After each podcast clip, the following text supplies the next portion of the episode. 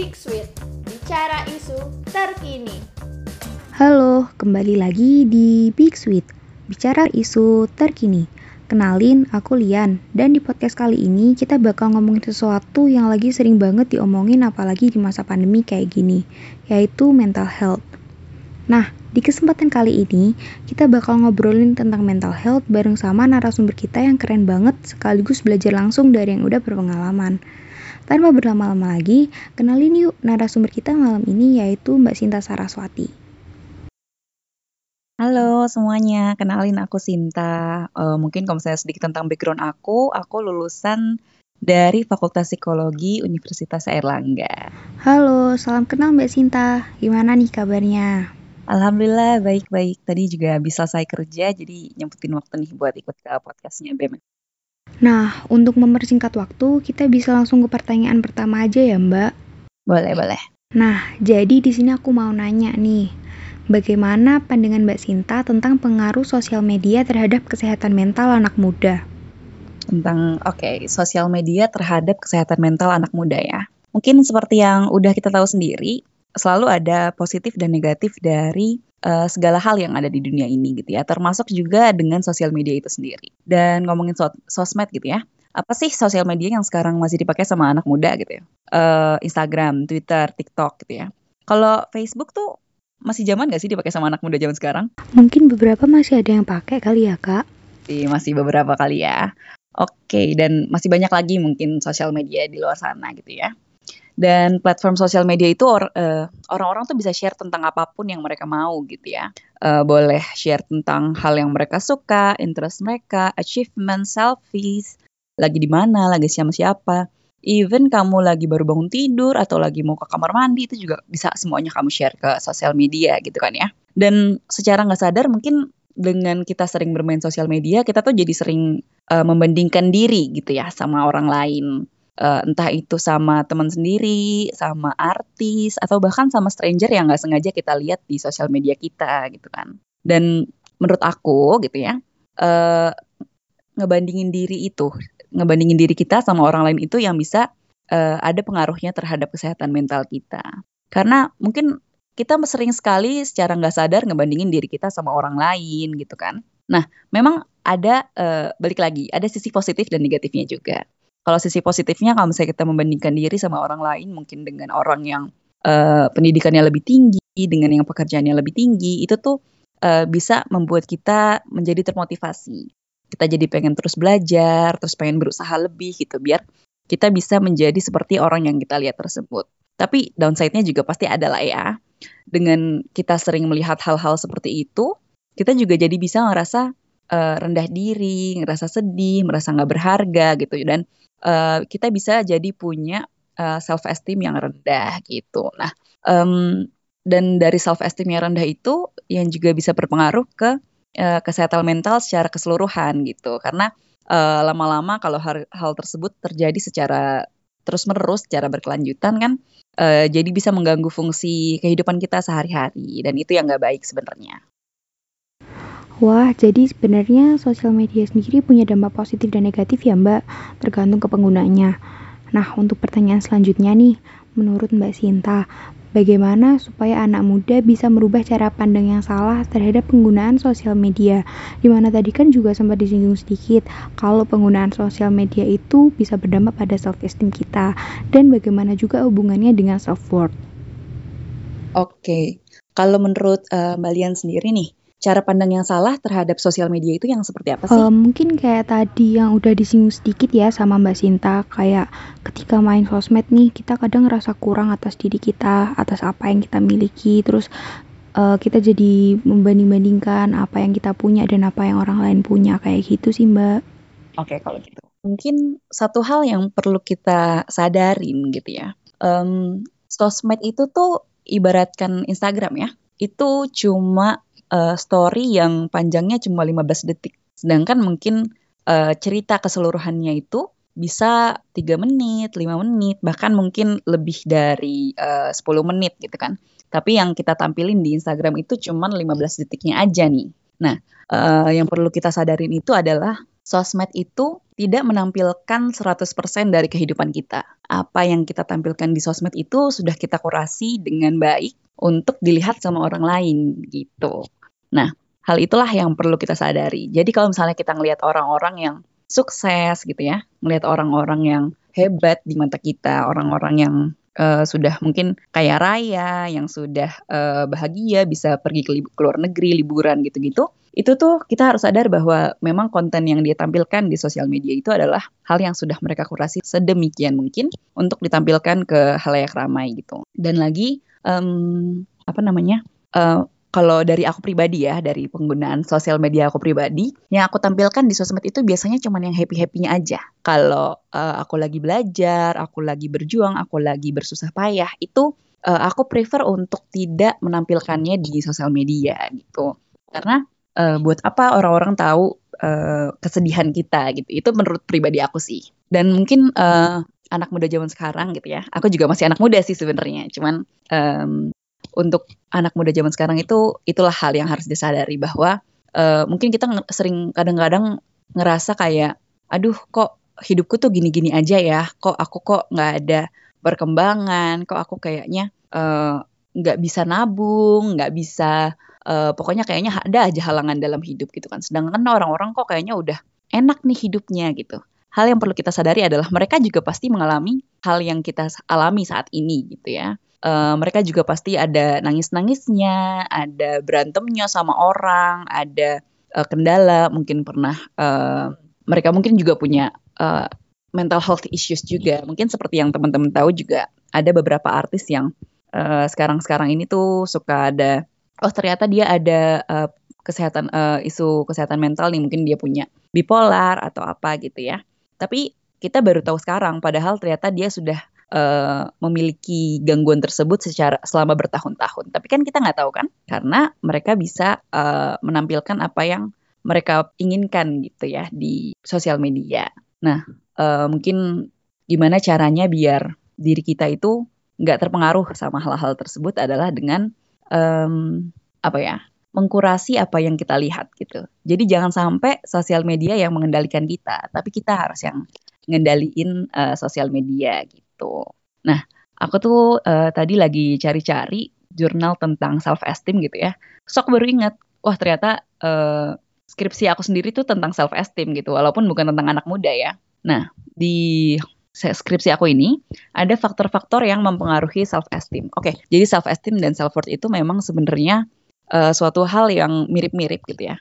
Dan kadang-kadang kadang -kadang termsnya juga bisa dipakai interchangeably. Tuh.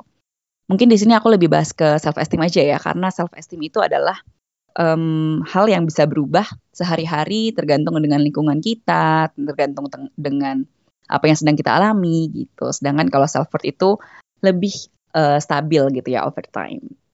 Nah, kalau menurut Coppersmith ya, ini dari jurnalnya dia yang udah lama banget sebenarnya, tapi ini uh, masih sering dipakai sampai sekarang.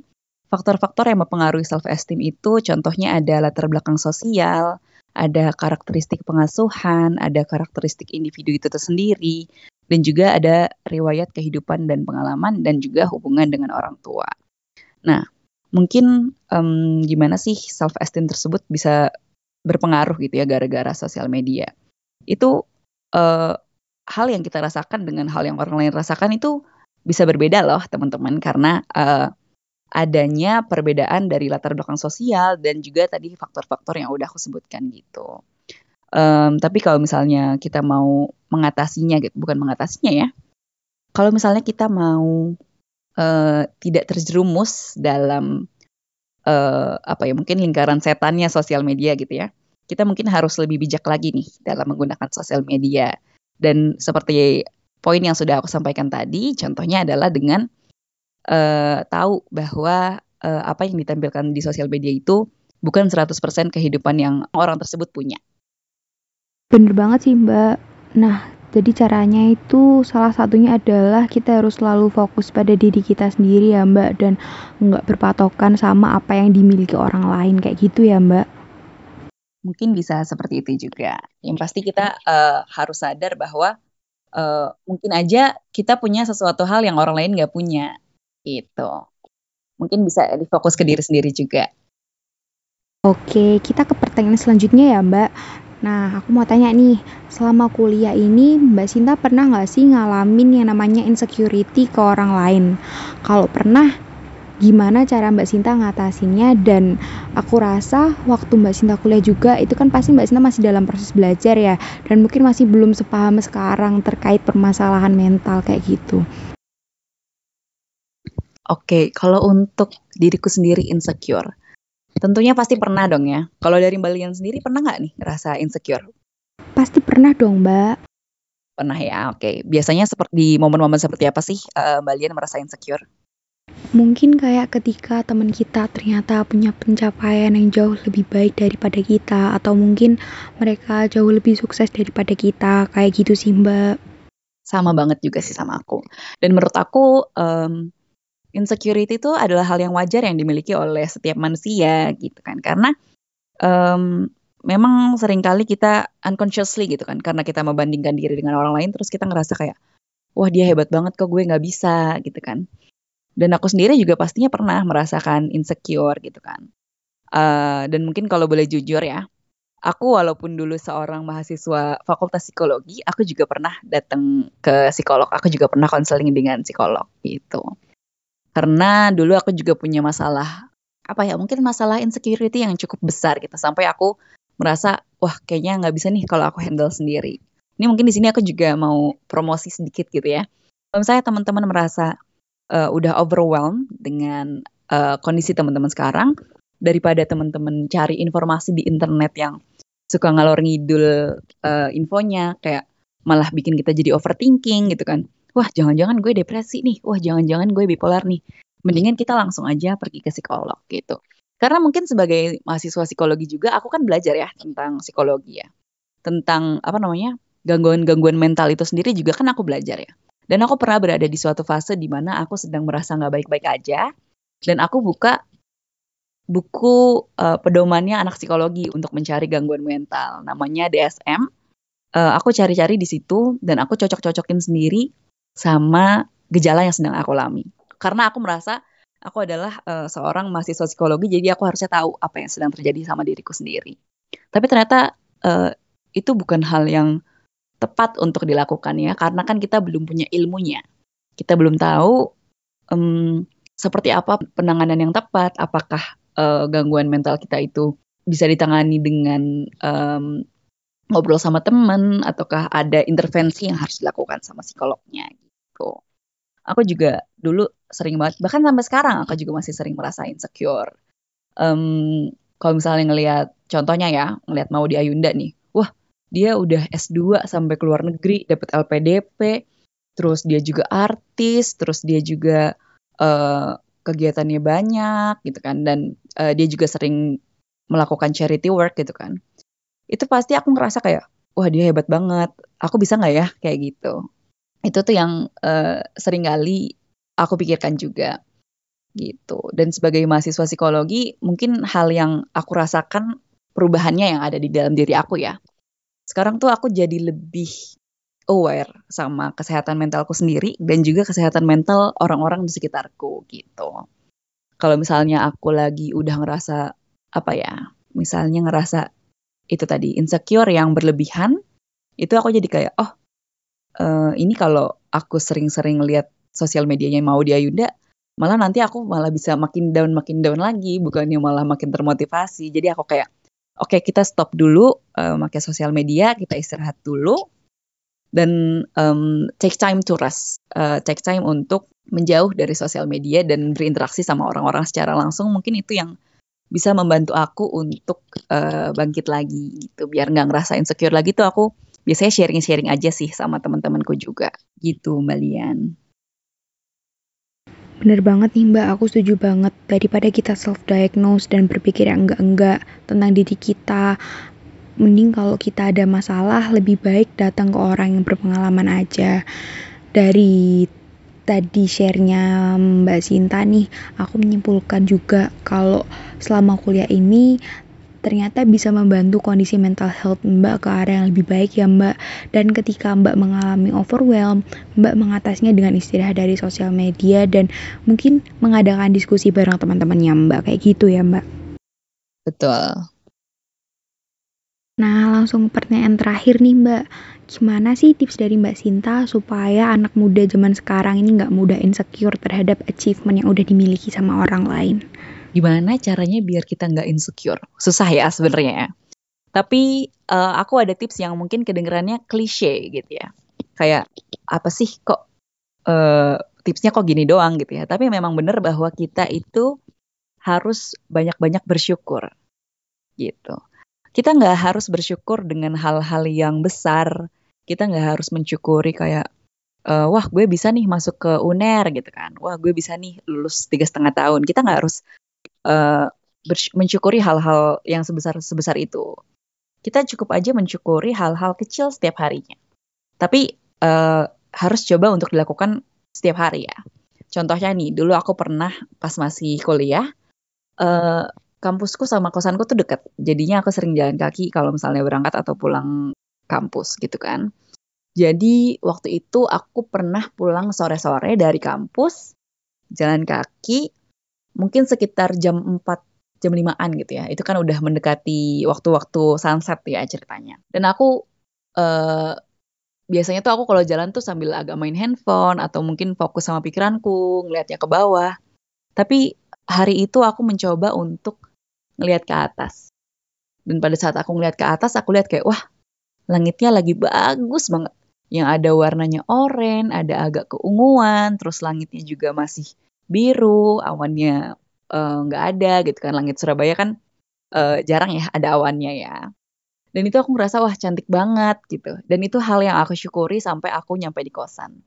Aku kayak, um, indah banget uh, langit hari ini, aku bersyukur akan itu gitu mungkin kita bisa coba latih diri sendiri untuk bersyukur dengan hal-hal kecil yang kita miliki.